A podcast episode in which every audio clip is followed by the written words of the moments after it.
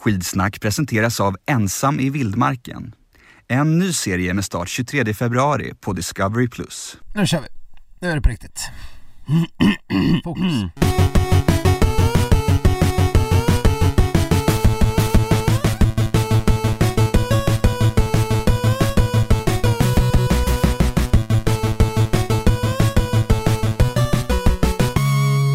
Ja men god dag och välkomna till ett nytt färskt rykande hett avsnitt av skidsnack Sköld heter jag Stenqvist har jag vid min sida, vad mer kan man begära?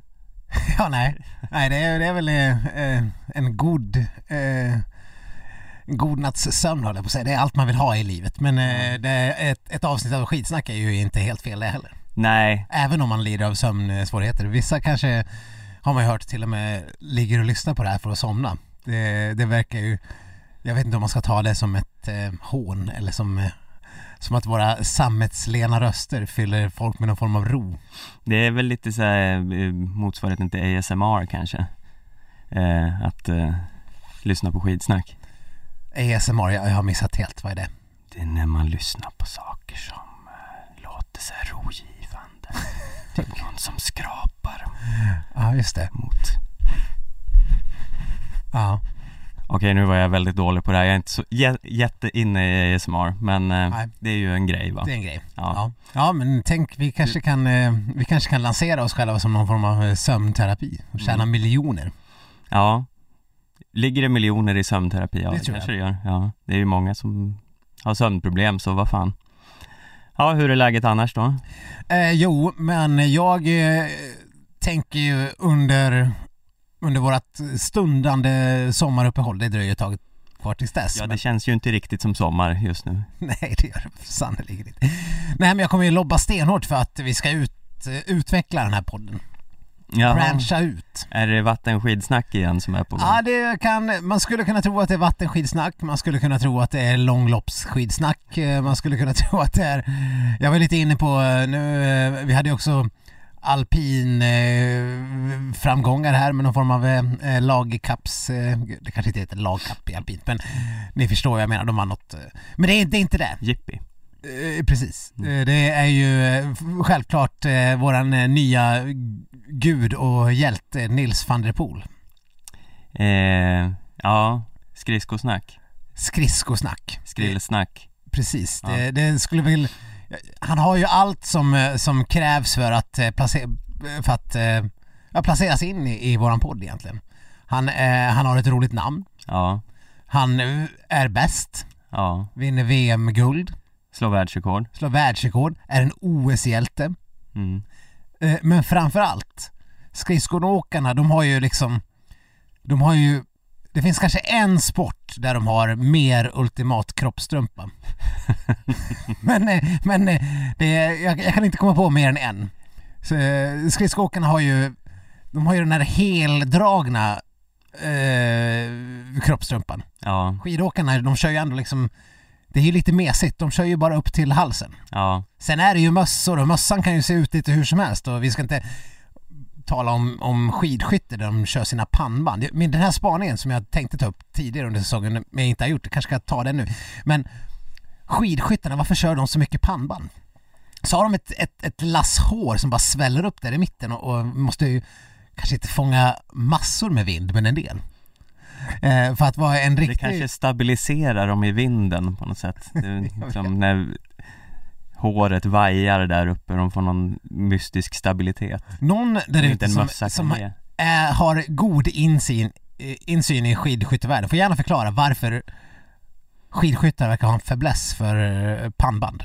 Ja. Inte, inte så här pannband, pannband som ni, ni tänker en så här pannbandsliga eller liksom eh, Nej det här är ju ett pannband där man typ har klippt av bara den översta toppen på en mössa Ja precis! Det är som, ja, och så sticker det ut lite. Det är som en så här fem centimeter i diameters hål högst upp. mm. Skitkonstigt. Eh, men sådana såna kör de. Eh, av någon anledning och det är väl, det är väl fine, det får de väl göra. Eh, och skidåkarna, men sk- skridskoåkarna de har ju alltså då kroppstrumpa som liksom går över huvudet. Ja, och, och liksom täcker eh, ja, kanske inte halsen, men allt annat och sen, sen, sen går den över, längs kinden och upp över pannan.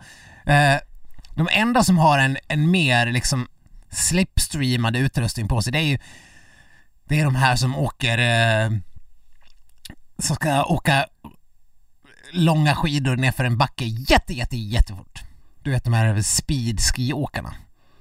Eh, ja, jag kan inte riktigt visualisera hur de ser ut nu, men... Nej, nej men det, det är egentligen det som är, det som är um, utmärkande med dem, det är att de har en hjälm som liksom sticker bak. Ja, just det. Ja. Alltså, hjälmen är liksom som en förlängning, som ni vet den här filmen Coneheads, fast den går bakåt.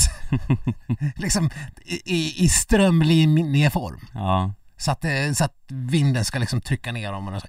Eh, De har ju en, eh, den aerodynamiska eh, satsningen är ju imponerande. Ja, men då är det ju i och för sig ett litet eh, så här eh, yttre komplement till kroppstrumpan, vet jag inte vad jag tycker om. Nej, Eh, visst. ja, man skulle ju helst vilja ha en sport där de har så här kroppstrumpeburka. Ja, sådana här blåa, gröna varianter som brukar kunna springa runt på stan och göra skojiga upptåg. Alltså när man kan se någon i en så här hel kroppstrumpa med det täcker Ja. ansiktet också. Det är sånt du skulle vilja se i skidåkningssammanhang. Ja, det skulle ju bli lite tråkigt eftersom man inte skulle känna igen åkarna. Nej, det skulle vara svårt att se vem som var vem. Men eh, i någon sport är jag säker på att det här är bra. Kroppsstrumpeburkar, det är det du är ute efter alltså. Ja, det är, ja, det är något jag förespråkar. Ja, Mm. ja men kul. På, Det är, på någon plats. Ja, Passar.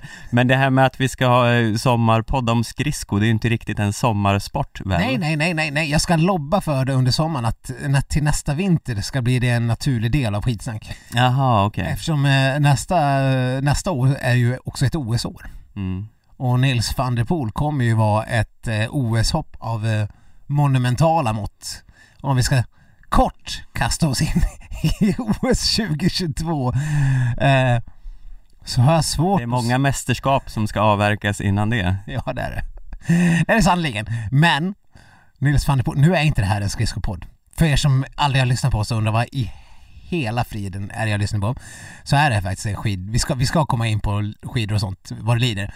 Men, Nils van der Poel, han, han är ändå vårat i nuläget, om jag skulle göra en sån här rangordningslista som man ser i tidningarna, Ja, ja, då, då är han liksom eh, medaljchans 95 ja, ja det, jag har ju sett skridsko ungefär en gång i mitt liv. Ja. Det var det här loppet när han slog världsrekord. Ja, För mitt intresse har väl varit sådär för att innan. jag sms-hetsade dig att slå på. Ja, och jag upptäckte att jag faktiskt hade kanalen. Ja. Eh, men det såg ju lätt ut.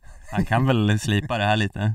Ja, ja, det är lite som de här såsspurtarna i skidskytte. Det ser inte riktigt ut som de tar i. Nej, nej det är otroligt enkel sport. Ja. Bara gasa lite till. Ja. Men jag vet inte, vi får väl eh, diskutera det här. Jag är inte säker på att jag tycker att det här är en bra idé. Nej, Men, men, men vilken tv-sport det är. Man, det, jag, när jag kollade på, jag såg också bara 10 000 metersloppet, det var ju då det liksom, jag, jag såg i alla omgångar innan där, men eh, man, man, man kommer in i det och man ser direkt, ja nej det där ser lite ryckigt ut och nej han orkar inte med och så varvtider och varvtider och det händer saker hela tiden. Mm. Ot- otrolig tv-sport dessutom. Jag förstår ju att eh, ja, men ni äldre lyssnare som kanske satt och klockade Thomas Gustafsson hemma framför tvn eh, när han eh, härjade och tog OS-guld, när var det? Liksom 84 och sådär. 80, 80, 84, 88, där någonstans i kring. Och han var ju liksom nationalhjälte av monumentala mått. Mm. Jag förstår ju att det är lätt att dras in i det. Det är en sån enkel sport att fatta. Ja, det är ju inte baseball direkt. Nej, inte direkt. Nej, du ska åka så jävla snabbt du kan Mm. och hålla en jävligt hög jämfart. Men, men, eh, vi har ju faktiskt eh, sett eh, senare medaljer än så. Ja, alldeles nyss eh, faktiskt. I poddandets stund så såg vi Sverige åka in ett brons i singelmixed-stafetten. Detta fantastiska ord. Eh, ja, vad känner vi? Ja, Du tar upp jag, med mobilen och börjar göra något annat här. jag visste att du skulle fråga. Nej, men jag, jag ja, nej, alltså ja. Eh, det var väl kul. Det är Ja, väl så jag känner. Nu, nu har ju, man kanske har blivit lite mätt av eh, medaljregnet som har varit det här Förra veckan pratade vi om, eh, jag berättade om jag satt i en bil och lyssnade till när Hanna Öberg körde hem ett brons eller vad det nu var i sista dagen.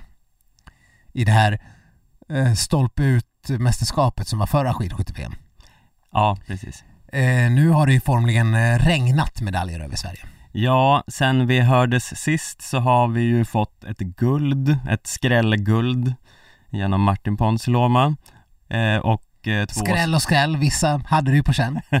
Ja, i och för sig, du messade faktiskt mig innan loppet och skrev nu blir det guld för Ponsiluoma. Ja. Så det var ju, det var ju snyggt. Jag skulle ju bara lassat in lite pengar på det, det är ju det. Även om du också skrev eh, loppet efter att det skulle bli guld för Linn Persson, det blev det inte. Nej, det blev det inte. Men det blev däremot silver för eh, Hanna Öberg och Ja. Sebbe Samuelsson sen också.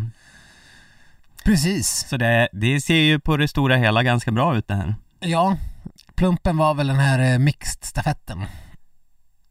Nej, den fick vi också ett brons i. Ja, ju, ja, vi fick till och med brons. Det, Men det hann vi ju bearbeta förra veckan till och med. Precis, Nej, det var något annat som var plump. Det var ett damlopp som inte gick så jäkla bra. Eh, och eh, så eh, herrarnas distans var inte heller någon, någon, eh, någon Du briljant. kräver alltså medalj i alla lopp här nu Nej men hör jag tycker det är lite tråkigt att, att Peppe Femling blir bäst. Och gör en otrolig insats. Kan man väl säga. Antar jag, han sköt ju noll. Ja, Man kan han var inte typ den enda som sköt noll i Ja. hela startfältet. Men vad hjälper det när man åker liksom tre och en halv minut långsammare än den som vinner? Ja, Det är... Ja. Inte vet jag. Vad är det? ja det är lite problematiskt kanske när det det krävs ju ändå oftast att man behöver vara hyfsad på det ena även om man är jättebra på det andra.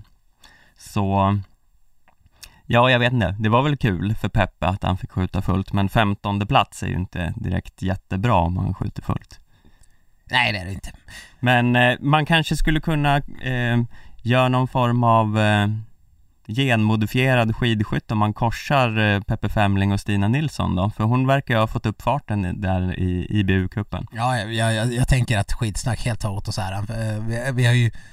Vi, kanske framförallt jag, har ju klankat ner på hennes möjligheter att eh, hävda sig den här säsongen. Mm, Och tyckte att hon skulle kanske testa att åka någon form av inhemsk cup så länge. ja. Men nu har hon ju levererat. Ja, I alla fall i skidspåren som du säger. Skyttet är ju ganska skakigt. det är skakigt. Hon har ju haft vissa lopp som är helt okej. Men, eh, ja men nu åker hon ju ändå så pass fort att om hon skjuter två bom kan hon ju vara med där uppe. Jag tycker det är ganska kul när det görs rubriker eh, idag när vi spelar in här på torsdagen om att eh, Stina Nilssons första pallplats. när, när, när hon typ skjuter bort det svenska laget för att hon gör straffrundor och 41 bommar och det är liksom Anna Magnusson och, och Elisabeth Högberg som får liksom rädda upp hela, hela härvan och se till att Sverige kom tvåa i den här stafetten. Mm. Eh, men det är liksom Stina som får rubriken ändå.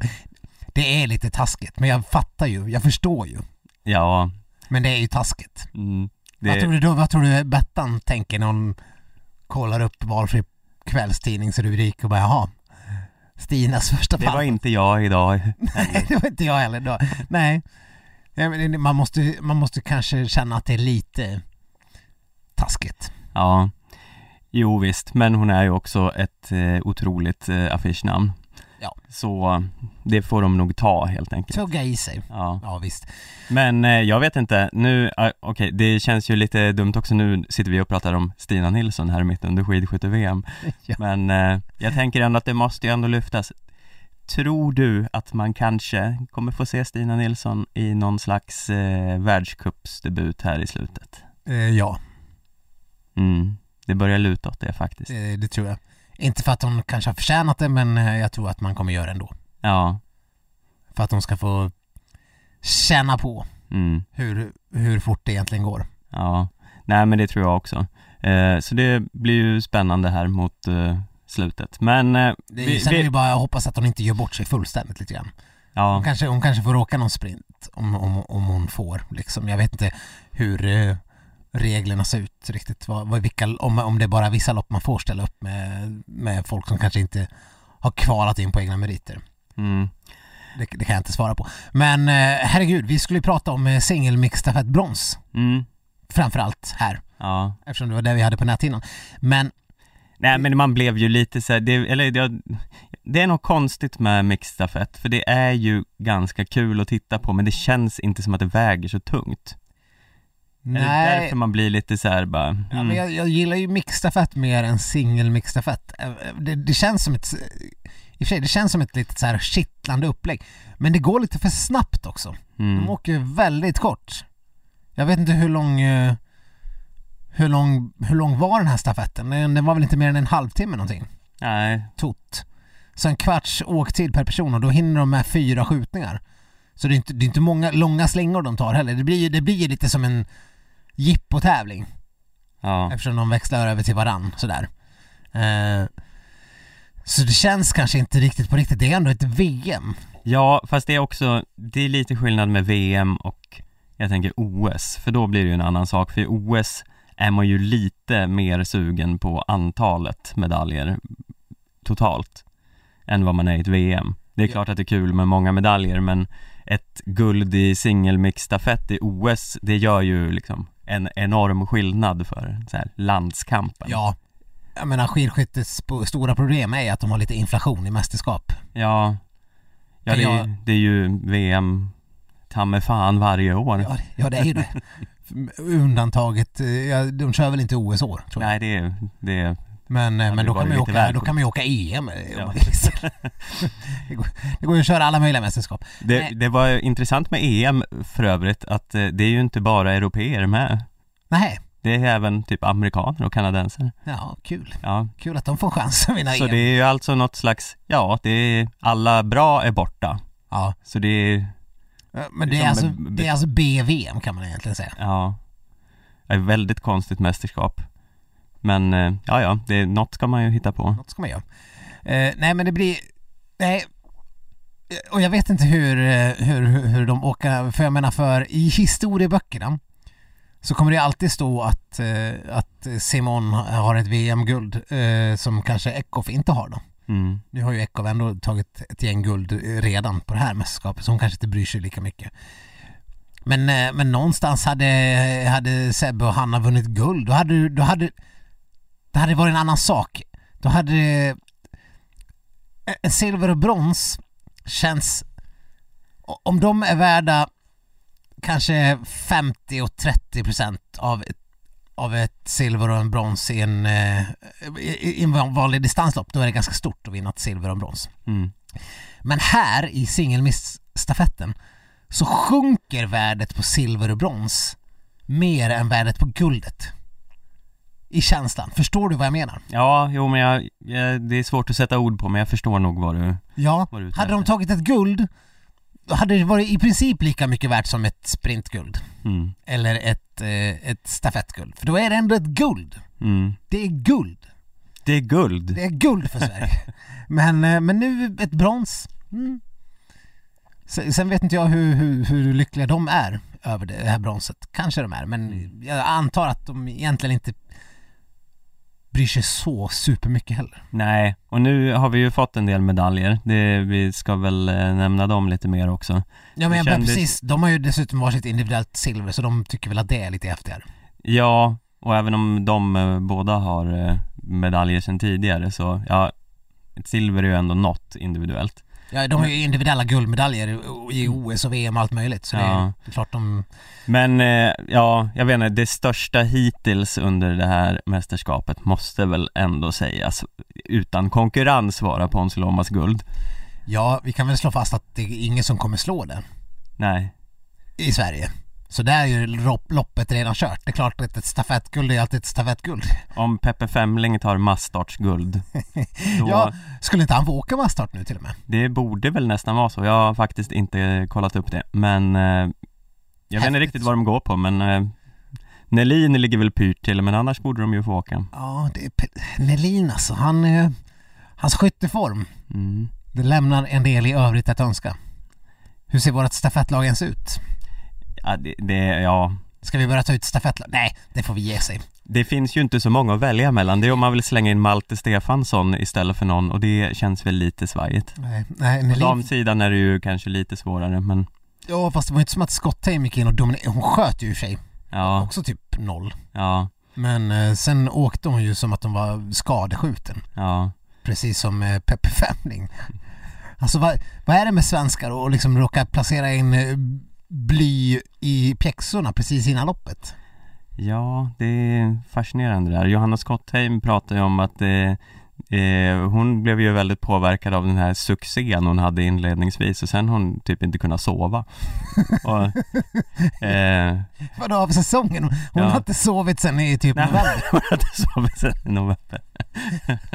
Fan vad drygt. Ja, ja, jo hon kanske har sovit lite men eh, nej det blev någon eh, smäll för henne efter att hon kunde inte riktigt eh, ladda om. Ja, men det är svårt det där. Eh, man gillar ju Skottheim för att hon, hon var bra där och kom från ingenstans och hängt, hållit på med skidskytte jättelänge och får ett liksom, sent genombrott är väl att ta i, men liksom ändå. Ja, men ganska sent.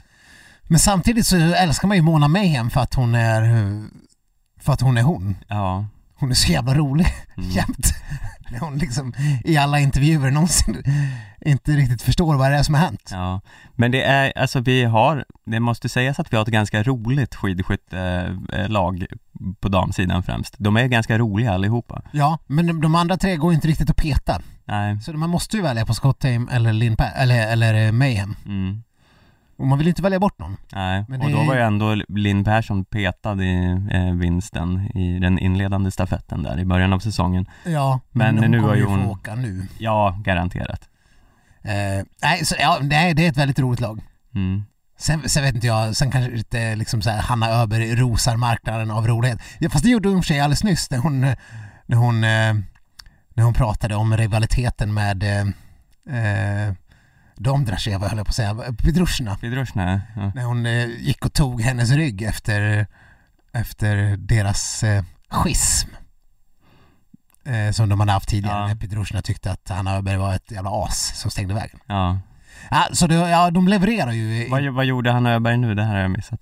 Nej men hon, hon, eh, hon, tog, hon, hon, hon råkade ju komma på varv så att hon kunde ta rygg på Pedrushna i, i loppet där, där hon tog silver. Mm. Ja, just det. Och så hon drog ju fram henne till... hon- Jag trodde ju lite nu i singelmixstafetten att eh, den andra ukrainskan, eh, Blaschko, Blaschko. som eh, man trodde kunde hota Hanna Öberg lite om eh, bronset där, att hon bara skulle ta fram geväret och skjuta henne. Ja det hade ju varit Nu Tänkte, när det finns det här hatet mellan Sverige och Ukraina.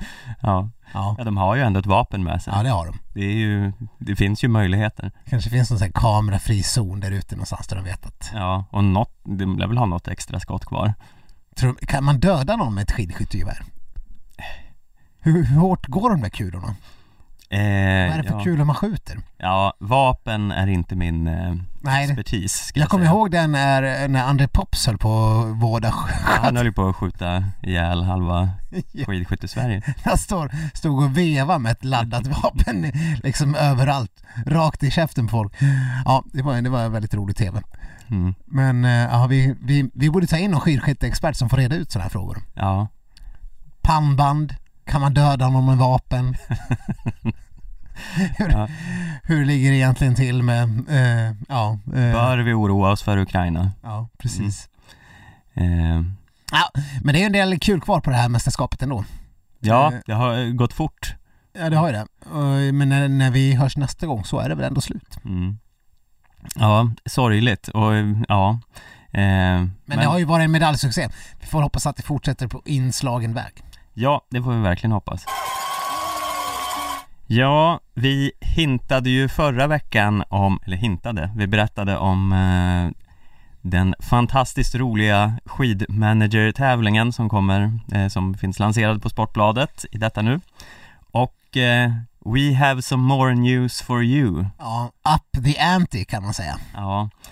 Eh, även om eh, man kan vinna fina priser i våran eh, traditionella eh, fantasyliga. Otroliga priser, Ja. otroliga. Ja, alla ni som har fått dem vet hur fantastiska de är. Skitsaxmuggar och whatnot. Ja. Men eh, det, det klev in lite yttre muskler här och eh, Ja.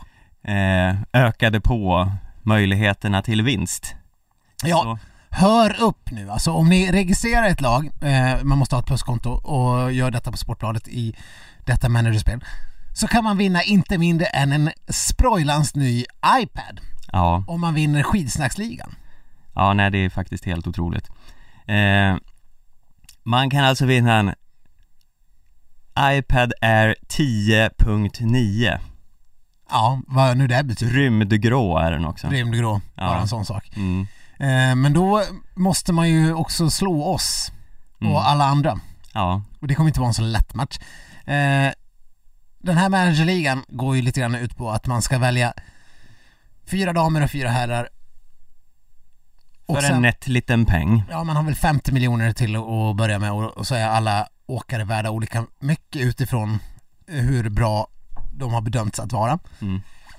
Men tyvärr kommer ni inte kunna gå in och välja liksom Bolsjunov och Kläbo och eh, Linn Svan och eh, Johaug och bara liksom tycka att nu vinner jag allt. Nej, för då var pengarna slut redan Ja, där då var pengarna slut direkt.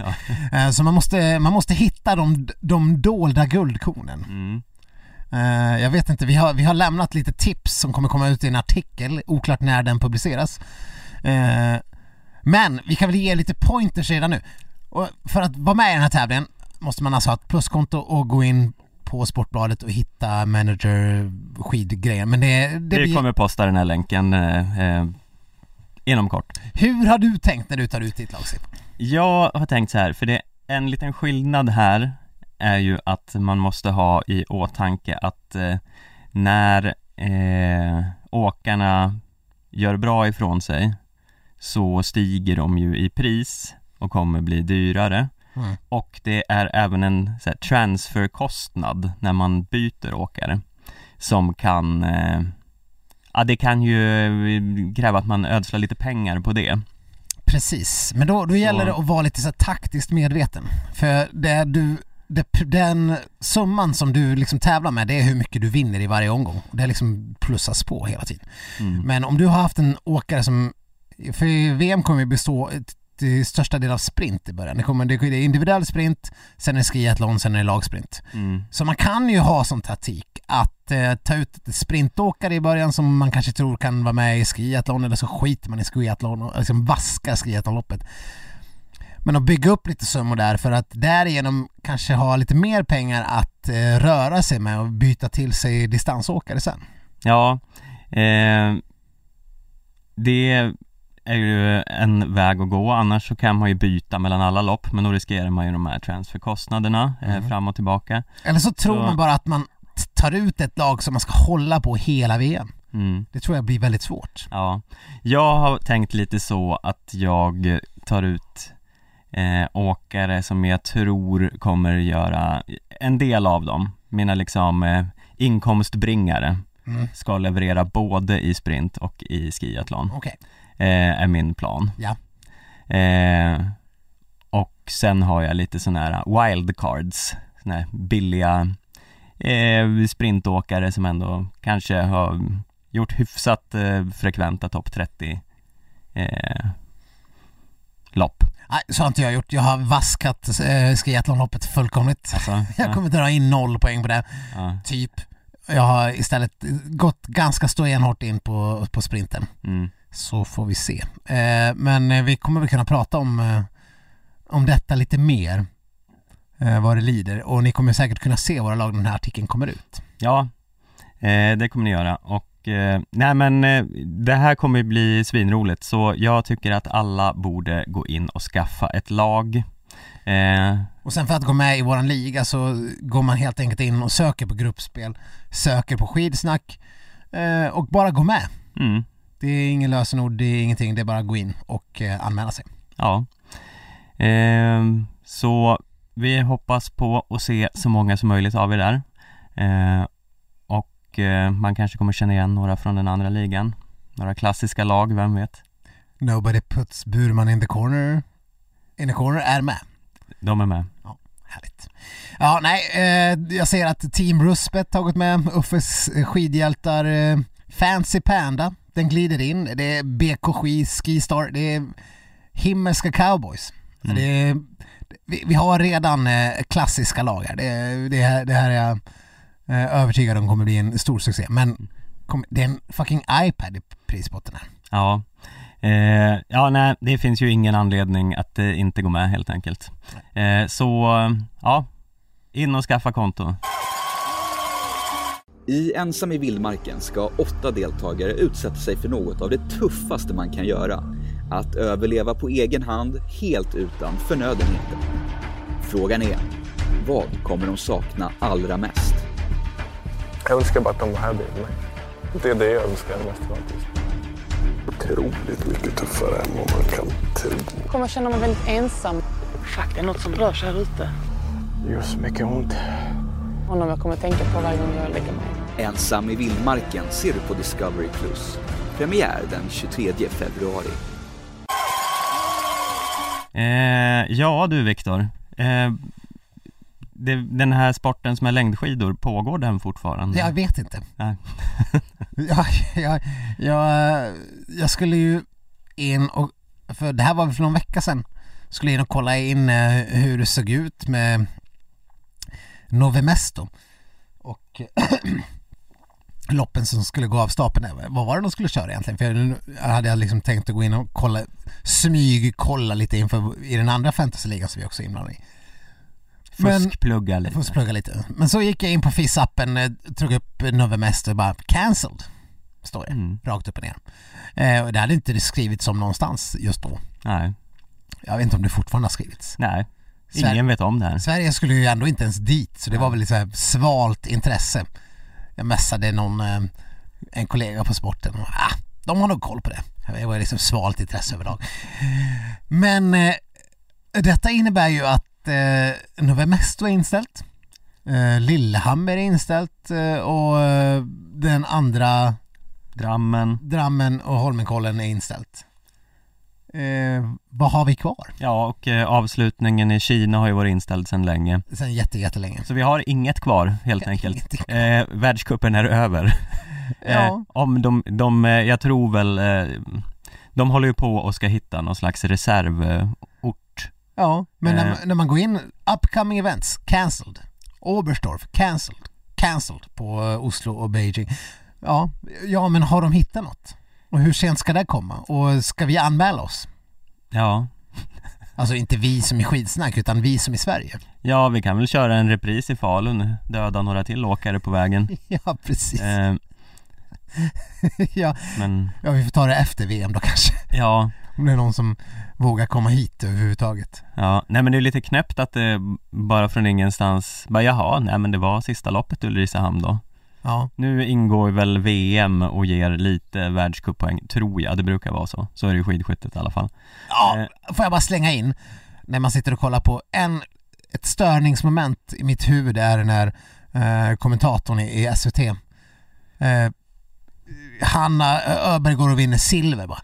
Ja, och nu tar de faktiskt igen på eh, Ekov och Bababa och Röiseland i, i världscupen. Ja. ja, ja, men hon har ju vunnit medalj här precis. Vem skiter väl i om att ta igen på dem totalt? Man måste kunna ha fokus ibland. Ja, men världscupen är också viktig. Nej, inte när man har vunnit VM där. Skit i det. Mm. Men världscupen är ju ändå redan avgjord, så spelar det någon roll? Vi vet ju vilka som vinner. Ja, nej men nej, det spelar väl mindre roll, men det är ju lite bara Det känns som man har blivit snuvad på konfekten lite om man Ja. inte ens får en avslutning Det fick vi väl inte riktigt förra säsongen heller Nej. i och för sig, men, Nej. men ska det alltid vara så? Och att det, vad ska vara de där jäkla norskarna som, som ställer till det för sig också? Eller för oss. Mm, Eh, vad, vad, vad, var det vi var inne på? Diska hela bunten bara. ja, Men då får vi tyvärr diska alla, alla tjecker och kineser också. Det kanske inte spelar så stor roll å andra sidan. eh, nej de har väl inte rosat marknaden på samma sätt, men Inte direkt. Nej, men herregud. Kan inte, kan inte vi liksom uppmana typ eh, Bruksvallarna där, där de har, eller andra ställen där Gällivare har haft världscuptävlingar förut. mm, Fan fixa till någonting. ja, varför inte? Herregud, det gick ju bra i Falun. Det var ju bara att se till att åkarna testade sig själva. Det var inga, inga konstigheter överhuvudtaget. Ja, Det gick ju jättebra. ja, och sen eh, hade, var det vissa problem med en backe där som alla eh, skadade sig i, men Det är så. Ja, ja. Men i övrigt i längdskidsvärlden eh, Kalle Halvarsson, han har ju en plan. Han har en plan. Han är som Sickan. ja. ja, och vem är det som är hans plan, Stefan? Eh, vem som är hans plan? Vem är Kalles plan? Eh, är det inte någon som ligger bakom hans plan snarare? Ja, men jag tänkte att Gunde Svan är Kalles plan. Ja, jo det är sant. Eh, hur då? Ja, men jag läste en väldigt rolig artikel. Kalle var in, intervjuad av, eh, av den eminenta sidan längd.se. Mm. Eh, där Kalle liksom Hans tränare får klä lite skott för hans totala misslyckande den här säsongen. För att eh, det insinueras att eh, tränarna eh, som är namngivna och eh, de som ska ha hållit tillbaks Kalle, vilket, ja, jag kan lika gärna namnge dem också, de står på längd.se. Mm. Hans tränare, alltså eh, Mattias Nilsson och eh, cykelcoachen Mattias Räck. De ska då ha hindrat Kalle från att göra det här eh, muskeltestet på, eh, för att se vad det är för fel på hans muskler. Ja, Eh, och nu säger ju Kalle att eh, det är inte bara deras fel. Han är ju typ 31 år och ska väl kunna sånt själv. Men, men nu har han börjat lyssna på Gunde och då gjorde han det här testet. mm. Eh, och då visade det sig att eh, hans, eh, hans korta muskelfibrer är, har gett upp. ja. Han har någon form av så här bodybuilder-muskler. Nej, vänta, långa, långsamma muskelfibrer, förlåt. Mm. Han har tränat de korta bara. Ja, Eh, som en bodybuilder. mm. Och då går det inte. Eh, Så nu, nu ska han liksom eh, nu ska det bara vara långsamma pass, inte träna, inte träna så intensivt hårt. Och, och jag fattar inte riktigt, för allt det här avslöjades via någon form av maxtest på rullskidband på Livi, Lugnets in, idrottsvetenskapliga institution i form. Alltså, kan man inte göra det testet en gång i jävla veckan om man vill? Jag tycker inte att eh, skidåkare verkar göra något annat än att stå på en jävla rullband med en så här sån där jättegrej i jättemask med slangar i käften. Nej, Så att det inte har gjorts är ju mm, obegripligt tycker jag. men då borde du väl göra en gång i månaden om det kan avslöja exakt hur musklerna mår och vad man behöver göra för att de ska må bättre. Ja. Vad är effing problemet? Men eh, härligt att Gunde löste biffen då så att vi får tillbaka Kalle Halvarsson i stor form nu. Ja, men då, är ju, då, då hänger ju storformen på några saker då. Ja. Gud, Gud. Gud. Eh, ja, Eh, utveckla tack. jag ska, jag ska, eh, jag ska förtydliga det här. Ja. Ehm, han, Kalle hoppas ju att, att eh, hans eh, kropp ska liksom komma tillbaks. Hans syreupptagningsförmåga är jättebra eh, men återhämtningen i musklerna var bedrövlig mot den har varit som bäst. Alla andra värden liksom var jättebra. Men han har gått, gått på med alldeles för mycket mjölksyra och bränt ut musklerna på det här viset. Samtidigt har jag då satt de långsamma muskelfibrerna på semester. Eh, men men det, det är inte så mycket som att bara vila för han skulle behöva mycket längre tid. Eh, Mm. Utan det är ett mirakel som på något mirakulöst sätt kanske jag kan vända på den här skutan. Det Det- låter förtroendeingivande. Det är alltså ett mirakel som krävs för att Kalle ska vara i form till VM. Mm. Som är, vadå, två veckor bort? Mm. Eh, så jag, jag vet inte. Eh, Kalle plus Gunde låter som en, en härlig kombination. Ursäkta. Men eh, det krävs mirakel.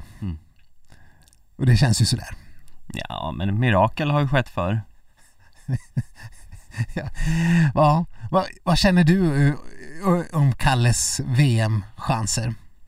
Han, han har ju fortfarande någon förhoppning om att det är på femmilen han ska leverera. Det är ju den sista dagen på VM så det är ju, det är ju några veckor bort. Vad är det där? Typ den eh, 7 mars eller någonting.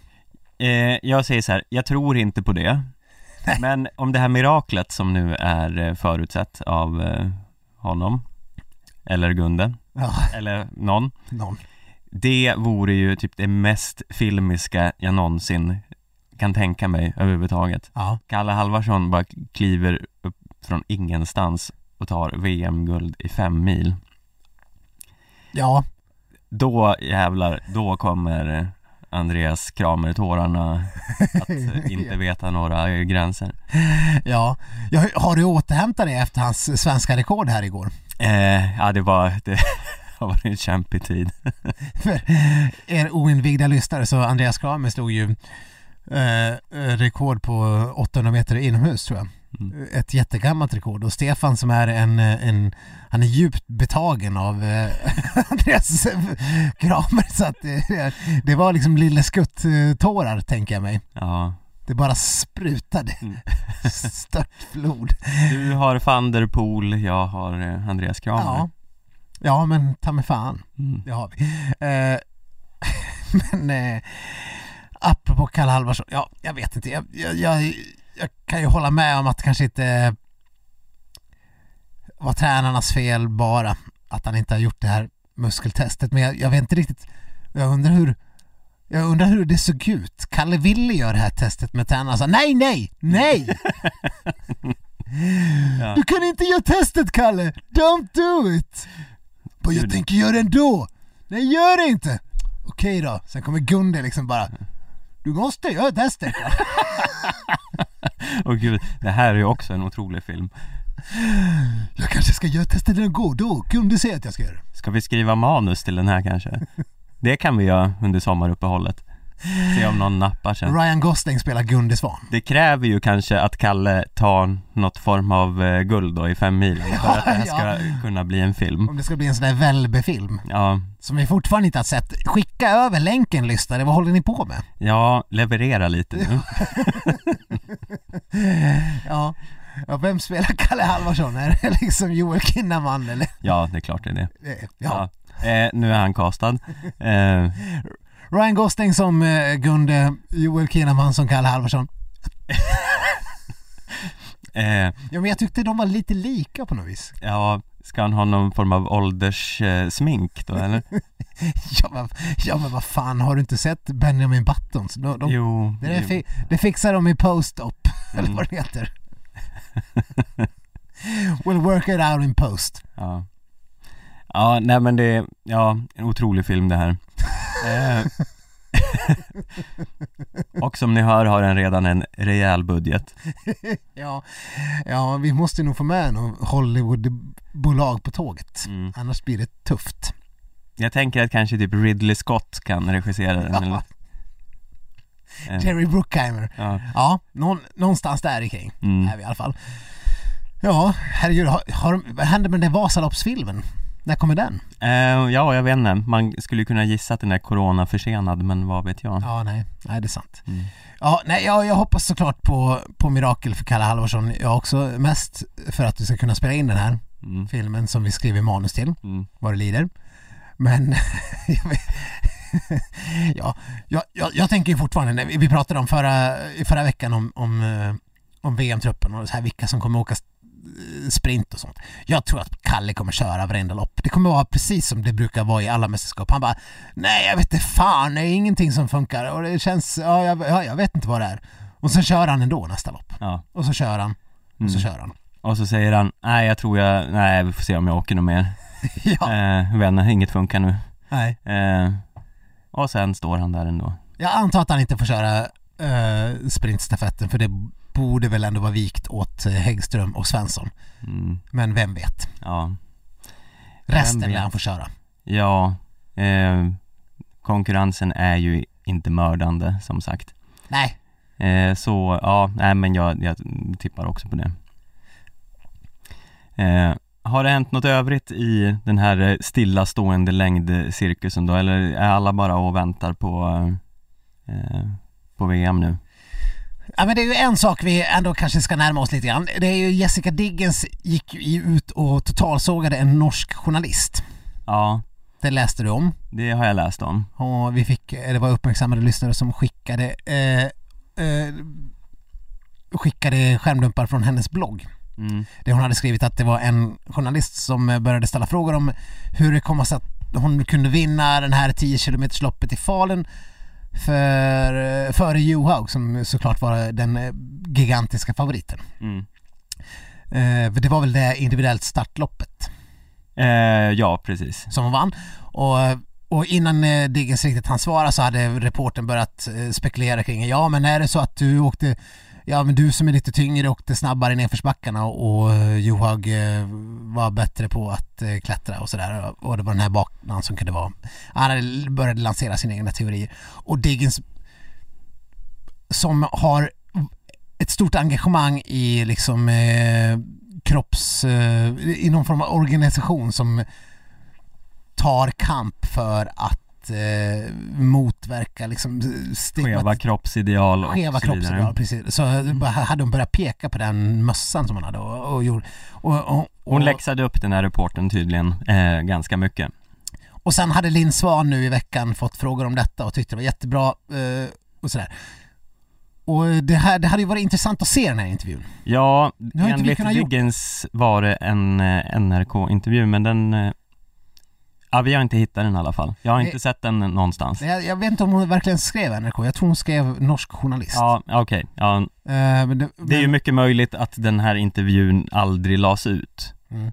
Eh, för att, eh, ja, det kanske inte ser så snyggt ut för den här, vilket bolag det nu var. Nej, men jag tänker bara så här att eh, vi kan ju inte, vi, nu är vi två dudes som sitter här, vi ska kanske inte sitta och bedöma om man får prata om kvinnors kroppar. Men det gör vi ju i, när det kommer till toppidrott överlag. För där sitter man ju och pratar om eh, folk vars kroppar är perfekt formade för att utföra den idrotten Mm. och sånt hela tiden. Vi sitter och pratar om eh, eh, vilka som har bra förutsättningar att åka snabbt upp eh, för Alpet Kermis. Mm. Det är ändå en diskussion värd att ha. Nu är det så jäkla svårt att, att bedöma det när man inte har sett intervjun.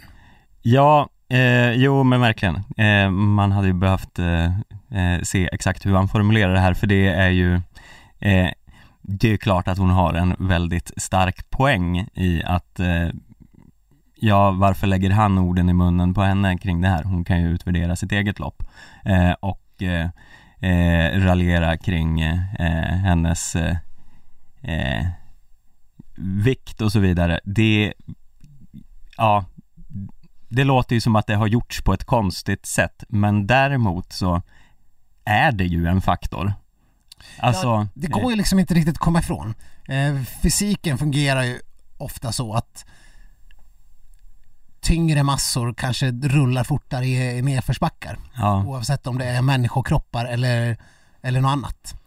Eh, ja och det, mm, jag menar det är ju som, som du tog upp klättringen upp för Alpecermis, det sitter ju eh, Hård och Blomqvist och diskuterar hela tiden. Ja, hon som är en tyngre åkare eh, har ju svårare att klättra upp här. ja. Det Sen liksom- behöver det inte betyda att någon är bättre på att klättra än någon annan bara för eh, hur hennes kropp ser ut. Det är bara Kowalczyk vann ju uh, vann ju Tour de Ski hundra gånger. Ja, jo visst, Även men det hon är var ju, liksom en storväxt åkare. ja, storväxt menar jag att hon var inte, hon var ju liksom eh, inte Johaug. Nej Men ja, nej det är ju en eh, svår eh, Alltså det måste ju kunna lyftas parametrar kring vad som gör en åkare bra på olika typer av eh, moment eh, Sen verkar det ju i det här fallet ha gjorts på ett väldigt eh, Klumpigt. klumpigt sätt Ja, verkligen. Eh, men, det- men det, ja, man skulle ju behöva prata med någon, eh, någon åkare och höra hur de analyserar det. Men jag kan ju tycka att det är lite svårt att säga att det aldrig går att, att ha det som en... eh, aldrig går att ta i den diskussionen. För man måste bara kunna göra det på rätt sätt.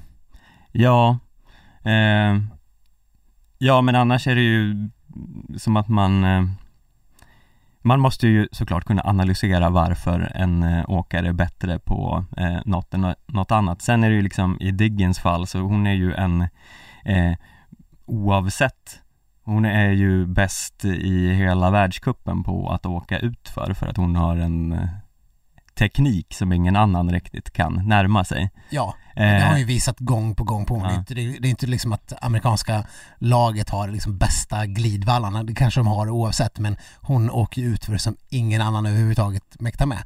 Eh, men det är ju inte bara teknik utan också liksom eh, taktik, taktiskt sinne. Det var ju som Petter Northug, han, han, eh, han var ju precis likadan. Han kunde ju välja exakt de precis rätta tillfällena när det var lätt att gå och ta åkare, ta placeringar, ta mark. Alltså det, var ju liksom det, det var ju mer taktiska sinnet som var briljant. Mm. Men i fallet Petter Northug för övrigt, där pratade han ju själv väldigt mycket om hur, ja men jag passar inte för det, jag är liksom för tung åkare för det och liksom jämfört med många andra. Sen visade det sig att han kunde ju vinna vad som helst oavsett ändå. Mm. Så det kunde vara mycket snack men eh, eh, ja, inte vet jag. På rätt sätt så är det en diskussion man kan ta men samtidigt så får man väl vara väldigt vaksam för att inte eh, hylla något visst ideal som kan eh, kanske vara skadligt. Nej, precis. Och det, ja, det eh, helt omöjligt att eh, uttala sig om det här egentligen utan att mm, lyssna på det. Men det, det känns som att det måste ha lagts fram ur ett eh, extremt märkligt eh, perspektiv det här. Ja, nej, så har någon där ute lyckats nosa upp den här intervjun, för jag har letat i alla fall. Mm, För enligt Diggen så var det livesänd TV. Man skulle vilja höra på den i alla fall, mm, för att kunna bilda sig en riktig uppfattning. Men eh, ja, eh, det är en intressant diskussion. Man kan ju hoppas att den fortsätter. Det är ju jättebra att hon har en sån här eh, organisation som, som sätter det på kartan. För det är Eh. någonting man liksom inte tänker på till dagligdags. Nej, eh, så jag vet inte hur man ska eh, knyta ihop det här. Kan väl säga att ja, absolut eh, så, så som hon lägger fram det är man ju på Diggens sida här men samtidigt måste man ju kunna vara öppen för att det här är något man måste kunna diskutera också Ja, om man fast- tar det på rätt sätt. Ja, ja, absolut, på rätt sätt. Eh, det är svårt att säga att eh, ja, sk- det är inte bara kvinnors, det är skidåkares kroppar inte kan prata om. Eh, för, som sagt, olika kroppar har ju olika bra förutsättningar att, eh, att lyckas på olika typer av lopp. En, Mm. en, sprint, en sprintspecialist är ju, är ju ofta eh, helt eh, har ju helt andra egenskaper än en, eh, en, en, en distansspecialist. Så är det inte alltid men utslaget över, och, och då är det inte bara hur kroppen ser ut utan det kan ju vara hur musklerna fungerar och vad man har tränat på. sig. Men sånt spelar ju alltid in när det kommer till skidåkning. Mm. Eh, ja, har vi Ja. nått, nått vägs ände här? Leta och skicka in även den länken, tack. Ja, det är mycket länkar vi ska få nu. Ja. Vi, vi litar på att ni löser allt åt oss här. Ja, Viktor. Vet du vad det har blivit dags för? Nej, vad kan det vara nu? Jo, detta. Hit til Rådås har vi samlet de største og beste vinterheltene fra Sverige og Norge til tidenes fight. Eh, ja, ännu en vecka, ännu en studiecirkel eh, om eh, landskampen, eller Sverige mot Norge som eh, programmet också heter. Eh, för nytillkomna lyssnare så spelar vi ju alltså introt från förra säsongen. Eh, orkar inte gå in mer på varför, då får ni lyssna på tidigare avsnitt när Viktor har hoppat på mig. Ja. Men, nytt avsnitt, vad tyckte du om veckans episod? Ja, det är väl bara att säga som det är. Bäst hittills. Ja, nej men jag är nog beredd att hålla med. Det, var, det hade allt. Ja, Dramatik, eh, bråk, familjefejder, eh, hat. Ja. Hatstämning eh, som sig bör i en eh, match mot Norge. ja. Eh, prologen tycker jag vi kan hoppa över för den var ganska tråkig.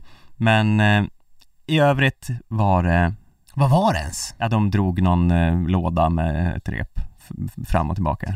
Ja, gud vad tråkigt. Ja. Gud, snark. Eh, Det, var, det var ett, ett ytterligare sånt där tillfälle där någon i manusrummet har fått stroke och de måste göra liv upp, uppehållande åtgärder och eh, glömma av det här avsnittet. mm. Ja. Ja, nej, det, vi går raskt vidare. Men andra eh, eh, utmaningen var ju fantastisk. Ja, de skulle alltså springa upp för en backe eh, medan de andra åkte bil efter och alla var tvungna att springa någon liten sträcka. Det var väl huvuduppgiften. yes. Eh, och det här, Och det här hade de ju helt olika taktiker. ja, Sverige körde ju med, nu, nu har vi två sprinters här, det är inga liksom uthållighetsspecialister på något sätt. De insåg ju sina begränsningar i att möta liksom Sundby, som vi var inne på nyss. Eh, ganska olika muskelfibrer i de kropparna. Ja, Eh, Medan Sundbys är liksom eh, gjorda för att hålla länge så är Emil Jönssons och Theodor gjorda och gjorda, tränade för att. Så är Theodor och Emils tränade för att hålla kort. ja, Så det var ju, det var väl briljant att Sverige hade en annan taktik. ja. Och den fungerade ju bra också. Ja, de bytte av ofta och eh, kunde gasa på. Sen eh, det som eh, var problemet var ju eh, hur de skulle förhålla sig till den här bilen som var eh, lite i vägen. eh, Ja, det blev väl lite hat, det var där den första hatstämningen eh, kom när Theodor började hetsa och du vet, så började slå på bilen. Ni vet, ni som är ute och springer i stadsmiljö. Eh, Ibland kan man ju liksom bli ganska för begrymmad när man tycker att en bil ska stanna vid ett övergångsställe när man kommer liksom joggandes. mm, Det har ju hänt alla som joggar i stadsmiljöer eh, hundra miljoner gånger. Och då vill man ju, ja, man, man, jag vill ju då sparka och slå på bilen. ja. Gör du det? Nej. Nej. Jag vet inte om det har hänt. Nej, det har nog inte hänt. Jag, jag har inte. Jag, jag, Du har gjort det mentalt? mentalt, oj, Ja. varje dag. Mm, Men Theo, han gjorde det väl typ på riktigt? ja. Eh, ja, han blev förbannad på Han blev Norges förbannad. bil. Ja. Men eh, även i Sveriges bil var folk, för, Emil och Anna var ju förbannade på varandra. Ja. Det lät typ så här. Så där får du inte göra. Anna, vadå du stannar bakom mig? Jag kunde inte köra Anna. fram mer, Ja, men du ska Emil. inte köra om Frida. Eh, Nej. Och det, här, det var bara så här, det var underhållande eh, psykologisk kamp det här.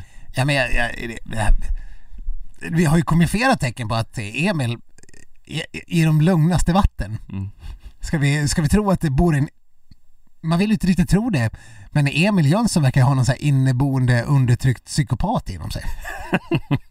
Eh, utveckla tack, vad är, har du Ja, sett för men- mer? Eh, Ja, nej, men det är väl Annas liksom små tecken att eh, ja, men Emil trätar, han blev arg i bilen. Han bad om ursäkt och han han var ännu argare och, och han verkar, han verkar, han verkar, det verkar, verkar finnas en del ilska. Ja, Men sen hans, eh, hela hans eh, uppträdande och person är ju liksom, man har ju aldrig sett honom typ inte le. nej. Nej, det är ju lite hans kännetecken. Ja, precis. Till och med liksom eh, när han har gjort i sina värsta skidkarriärsögonblick så har man ju ändå typ sett honom le i intervjuerna efteråt. Mm. Ja, hur mår du egentligen Emil? Ja, nej det här är den värsta dagen i hela mitt liv. Och så världens leende på det. Ungefär så ser man framför sig Emil Jönsson. Så tänker man, eh, han kanske, han kanske har någon liten Jeffrey Dahmer inom sig. Ja, det var, det var grovt. En vacker dag kommer vi hitta Anna slaktad i och nergrävd. Nej usch, förlåt. Det, alltså, det, det tror jag absolut inte. Ja, jag, jag tar avstånd från det här uttalet, ja, tack. uttalandet. Det gör du helt rätt. Mm. Men det var ju lite synd om Emil där men i början. Han kanske, han, kanske har, han kanske kan vara en sån här eh, road rage person. Mm. Som, eh, som vi eh, själv skulle vilja vara. Ja, men det var, det, jag ty- tyckte, det kanske var med rätta, för det var lite synd om Emil i början av avsnittet, om det var den här veckan, jo det var det va? Eh, när ingen tog hans eh, sk- skada på allvar när han fick massage. Ja. Eller fick eh, naprapatbehandling eller vad det Ja. nu var. Ja men Anna, då, då berättar hon, både hon och Theo är vana att höra hans gnäll. Mm. Eh, och de, ja, nej, det, han fick ingen respons för Nej. sina krämpor. Eh, så det var, det var hårt. Ja, sen lyckades han ju dra den här grejen fram och tillbaks ganska snabbt ändå. Ja, Så jag vet inte hur allvarligt det var med hans axel. Nej. Eh, och sen fick de ju dra en jävla bil. ja, Men det var ju där, det avgjordes ju sen när Norge hade sin, eh, sitt debacle. mm, Eller Björgen hade sitt debacle för hon la inte ut in eh, neutral. nej, Så de satte med växel i och bilen gick ju inte att dra framåt. Eh, och det tyckte Sundby var sådär bra. Mm. När Björgen visade en otrolig uselhet den här veckan Hon var ju liksom den som eh, sinkade laget faktiskt Ja, hon kunde inte dra den där, men det var ju en egen kroppsvikt. Okej. Eh, nu vet inte jag exakt hur det fungerar. Jag, jag har, alltså, fysiologiskt, är det liksom svårare för Björgen att, för jag menar Björgen måste ju väga ganska betydligt mycket mer än Frida Karlsson. mm. Hur funkar det? Är det liksom svårare för Björgen att dra sin egen kroppsvikt än för Frida Karlsson att dra sin egen kroppsvikt? Det är det man inte riktigt vet. Eh, Jag vet inte hur, hur, eh, hur jag skulle ha att dra min egen kroppsvikt men det, det känns som att det hade varit jävligt tungt. Ja. Eh, nej men jag kan ändå Jag menar, är det liksom rent, alltså om man nu ska se vetenskapligt på det. Skulle Magnus Samuelsson ha svårare att dra sin, e- nu är han i och för sig packad med muskler men han väger ju också hur mycket som helst. Ja. Än en, än en lätt person. Nej men eh, alltså jag tror inte man kan dra det helt så här exponentiellt eller vad man nu säger. Eh, att eh, det handlar bara om vikten. Jag tror att det faktiskt är lite lättare att dra en lättare vikt. Eh, för, ja men som för Frida Karlsson. Mm. Eh, Ja för Björgen verkar ju slita ordentligt. ja, Och hon är ändå liksom, eh, hon är ju ändå känd för att vara väldigt kraftfull ja. Eh, och vältränad. Det, pratar de om, det kanske var det att de satt där i gymmet på morgonen samma morgon. mm. Slet ut sig, Ja, orkar nej. inte dra sin egen kroppsvikt. Nej. Men, eh, ja, nej men den här bil, jag måste ju säga det också, det såg ju jävligt roligt ut. Jag skulle vilja göra den här biltävlingen. Jag vet inte jag. Det var väl typ 11 kilometer upp för en backe de skulle springa. Ja, men så här lite stafettart, att man byter av och så åka bil efter. Där fick ju verkligen, eh, jag menar Sundby och Bö fick ju dra ett stort lass. Mm, I svenska laget så är liksom den som såg ut att gå snabbast upp för hela tiden, det var ju Frida Karlsson. som vanligt. Såklart. Men jag såg inte bland de norska damerna, eh, Björgen körde väl nästan, nästan hela tiden. Eller var det Tandrevold som körde nästan hela tiden? Eh, ja, ja, minns inte. Men eh, Nej, men det var en väldigt olika eh, eh, uppdelning där. För det, i Sverige kändes det som det var väldigt mycket Theodor och Frida. Ja.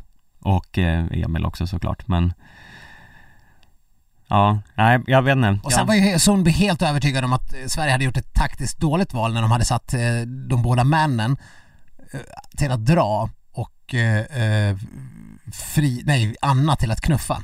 mm, För Sundby var övertygad om att eh, rent fysiologiskt så är det alltid en fördel att ha en jättestark person som knuffar mm, och de två svagare som ska dra. mm. Jag vet inte hur fysiken checks out på den. Nej, Vi skulle Nej. behöva haft han den här, eh, eh, den här vad heter han i Boston Tea Party professorn? ursäkta?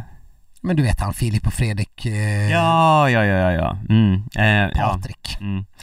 Eh, vet vem du menar, kommer inte på namnet. Nej, han Eh. skulle ha behövt rätt ut där. Mm. Ja, nej det verkar inte, eh, efter vad man såg, var rätt strategi i alla fall. Och eh, Sundby, han, eh, det är ju kul att se när Sundby åker på, åker på däng, för att han är så jävla kaxig. Ja, Eh, ja det är det. så det, det är ju en njutning varje gång. Det är Ja. lite samma sak som att det är härligt att se Norge förlora något, som nu när eh, Frankrike vann mot dem på sluttampen av singelmixstafetten här, Ja, så men blev man ju precis. nästan gladare än för Sveriges brons. Ja men att varje, ja, varje gång Nor- Norge inte vinner så är det en halv svensk seger. Ja, Lite grann. Så känner man. ja, Så det, var- det var ju inte bara ett brons, det var ju en halv seger och ett brons ja. för Sverige idag. Kul. Men sen, sen undrar man ju lite grann. Theodor Pettersson, han har ju redan berättat eh, i, i, eh, i landskampen, eller Sverige vs Norge, som fortfarande är ett uselt namn Mm. på ett program. Varför heter det fortfarande så? Jag rasar. Mm. Det är lite konstigt att byta namn mitt i, men ändå. Ja, jag menar när det på norska heter det landskampen som ändå funkar bra. Jo, men det är ju lite dumt att byta mitt under program, när programmet pågår, menar jag. Visst. Det är lätt att vara efterklok, men eh, Ja, ja. ja. Men Theodor faller ihop och får typ så här mjölksyreförgiftning i princip. Mm. Eller vad man kallar det. Mm. Mjölksyrechock. Och han har aldrig upplevt det här tidigare. Och då tänker jag, vad fan? Bo- Borde inte han ha upplevt det Ja, här? det här tänkte jag också på. Det, det var ju ett otroligt eh, eh, avslöjande eh, att eh, säga att han aldrig har upplevt sån här, att han aldrig har tagit ut sig så här mycket tidigare.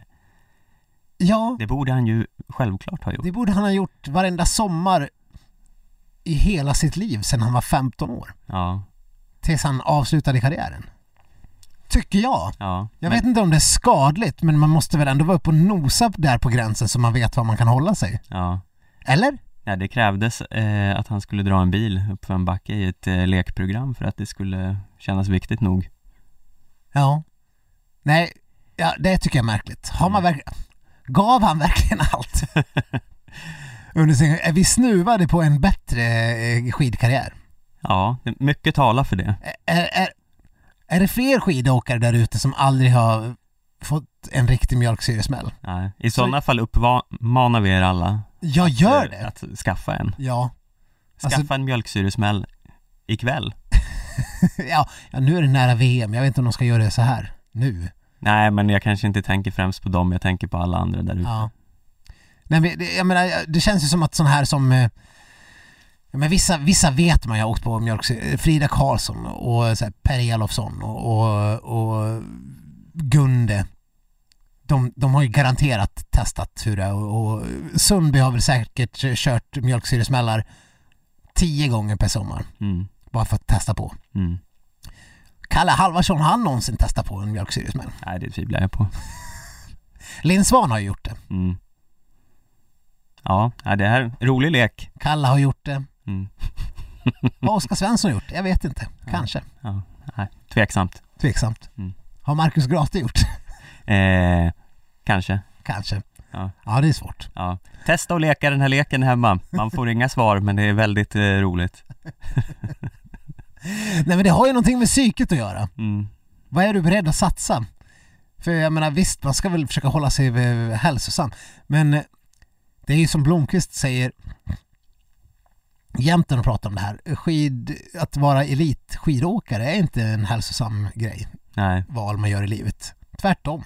Det är ohälsosamt. Mm. För du ska pusha din kropp eh, varje dag till gränser som den kanske inte ska klara av. Mm. För om man ska bli bäst så är det det man behöver göra. Ja. Så jag menar, det, det är väl ingen som påstår att, eh, att skidåkare är, hälsosamma men eh, det är också det som krävs för att bli bäst. Ja. Att inte vara mest inte hälsosam fast ändå inte mest ohälsosam. Förstår ni vad jag menar? Ja, alla förstår. Det är där man ska vara. Ja. Så nej, det var lite av en chock att eh, höra av Theo där, Mm. kände jag. Men eh, ja, nej, men det var ju, de hade ju också något litet så här, de fick ju eh, lösa konflikten där uppe när de hade gått i mål. De var ju osams lite grann, Sverige och Norge, så de fick tala ut fast de egentligen inte talade ut. Det var lite så här, ja ja, man blir ju sur när man i, Mm. i stridens hetta. Ja. Ja, det, det var ju lätt för Sverige att vara den större, större personen där. mm, så att säga. Eller det större laget. Och bara, ja förlåt, det var lite så här när liksom de här, när, vi, när de hade vunnit. mm, Då är, det, då är det lätt att be om ursäkt.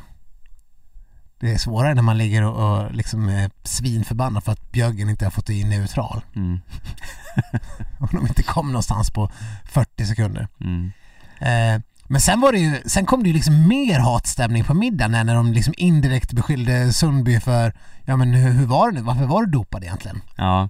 ja, det var väldigt mycket eh, Emil och Theo mot eh, Sundby. Alla andra satt eh, lite och Ja men visst var det liksom så här, eh, åh nu blev det dålig stämning. Ja. Ja, Eller var det briljant klippning? Men det kändes som dålig stämning. ja. Eh, det kändes verkligen som dålig stämning så det, det var nog det. Och Gunde klev in och gjorde någon väldigt tafatt eh, försök att eh, släta över allting. Men eh, pratade bara på i liksom evigheter utan att eh, Ja men jag Ja. tycker, jag tycker ändå Sundby, det är ju, han, han, han tar det ju ändå på Mm. rätt sätt. Han förklarar ju. Ja, Sen, sen vet jag inte om jag liksom hela tiden köpte allt exakt som han sa för att han kanske liksom lite så medvetet blandar korten lite grann mm, mot vad de förklar eller vad de frågade och vad han sa. Eh, men eh, det här med den här saltlösningen i lungorna, den, den diskussionen har inte jag, kommer inte jag ihåg så pass väl hur det var med det. För enligt Sundby och Norge så är det bara ja men vadå det är inget konstigt, det gör man i alla idrotter, vi kan också göra det. Det är bara det att eh, Sverige och alla andra väljer att inte göra det. Ni kanske vill bli sjuka men det vill inte vi så vi andas, andas ner någon form av saltlösning i lungorna. mm. Och Det, Nej, jag minns inte den diskussionen. nej, jag har den inte heller top of mind men jag vet att det var en diskussion Astmabussen kommer man ju ihåg. Ja, Men var det, var det samma sak? Eh, För det ja. Theo och Emil lyfte var väl mer det här lite mer storskaliga okynnesanvändandet av eh, astmamedicin. Mm. Ja, och det är ju en eh, gammal debatt där Sverige och Norge har väldigt eh, olika åsikter och det kom ju tydligt fram här. Ja. Där, där vi svenskar vill hävda att, eh, att norm, norrmännen de, de delar ut sådana här inhalatorer som, som godis till småbarn till norska unga lovande åkare. Mm. Ta den här, säg att ni har astma. Mm. Det blir jättebra. Så kanske det inte är. Nej. Men eh, ja, sen för att eh, sjunga We shall overcome här så fick eh, Sverige sjunga Take on me var det va?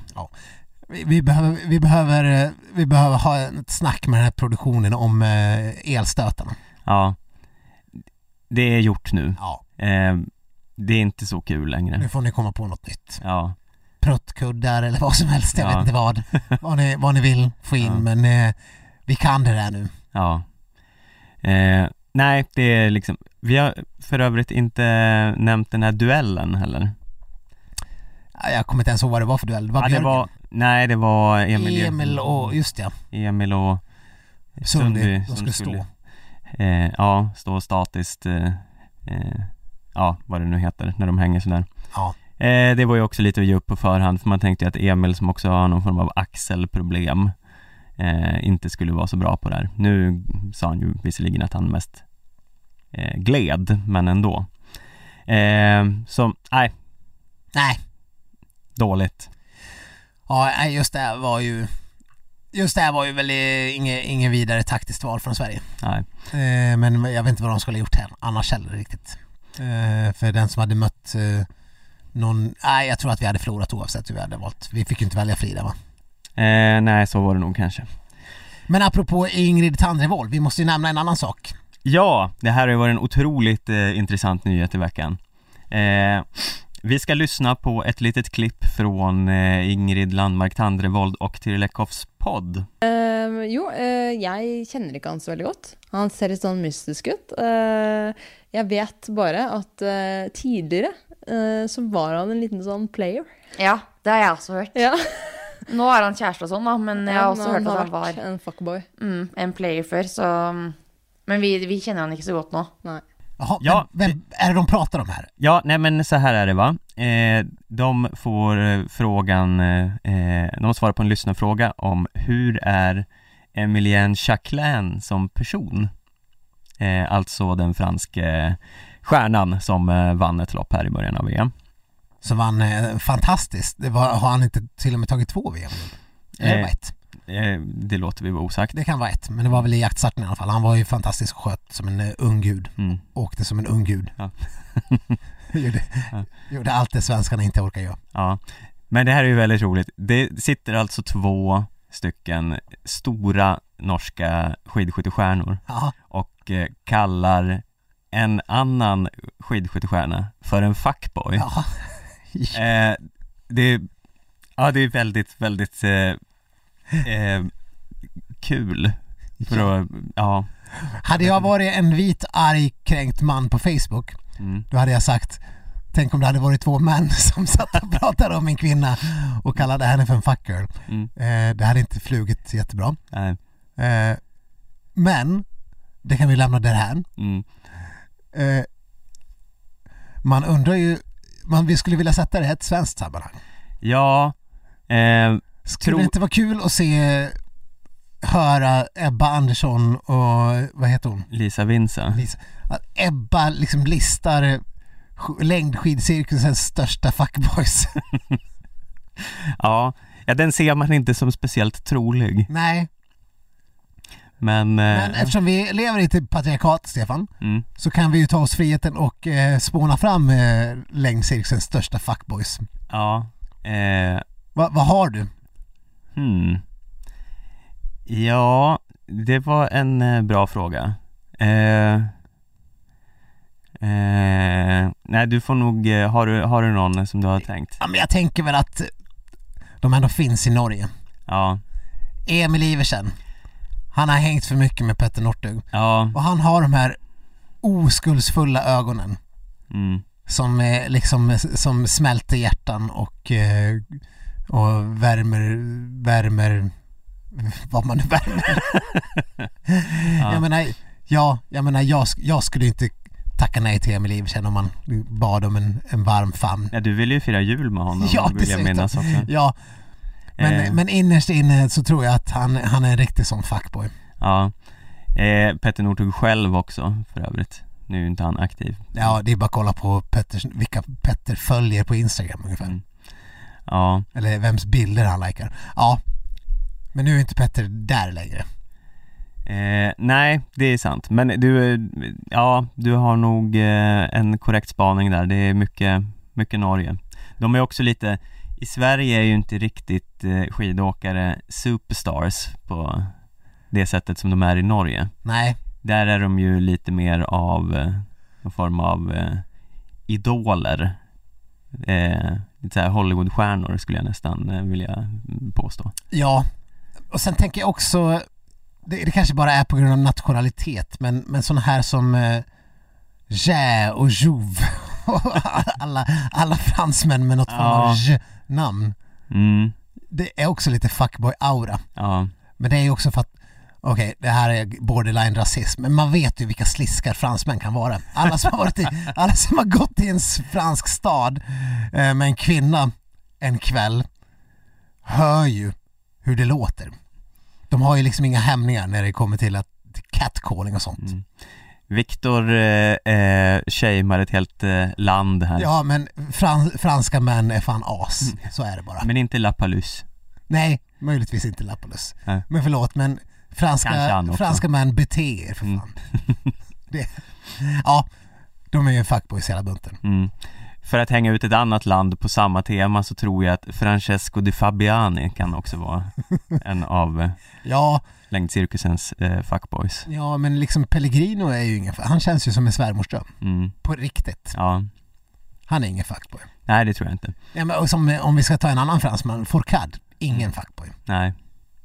Eh, och eh, heller inte, om, man, om vi nu går på motsatsen till eh, fuckboy, Ja. eh, svärmorsdrömmarna här. Ja. Eh, Colonia, Och inte, inte de här falska svärmorsdrömmarna som Emil Iversen.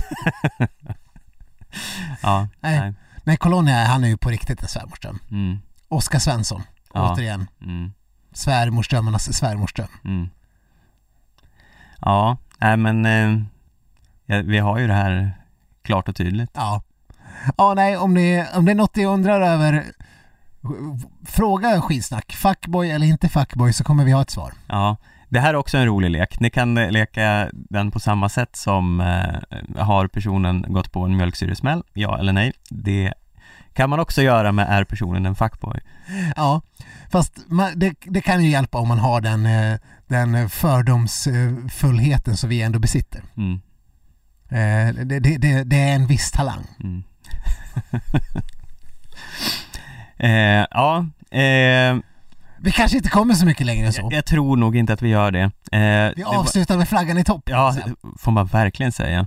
Eh, en, eh, en härlig avslutning på studiecirkeln här också, som tog en liten twist. Eh, men eh, vi eh, hörs väl igen nästa vecka då. Och till dess har ni skaffat ett skidmanagerlag. Ni har eh, listat era eh, största, eller längdvärldens eh, främsta fuckboys och skickat till oss på skidsnack.aftonbladet.se Om, om Ebba Andersson, om du hör det här, alltså din topp fem-lista över vilka du tror är längdcirkusens fem största fuckboys vore guld alltså. Mm. Det, är, det är allt jag vill höra. Ja, vi finns även på Facebook och Instagram under skidsnack. Eh, så hör av er så hörs vi igen nästa vecka. Hej då! Hej då!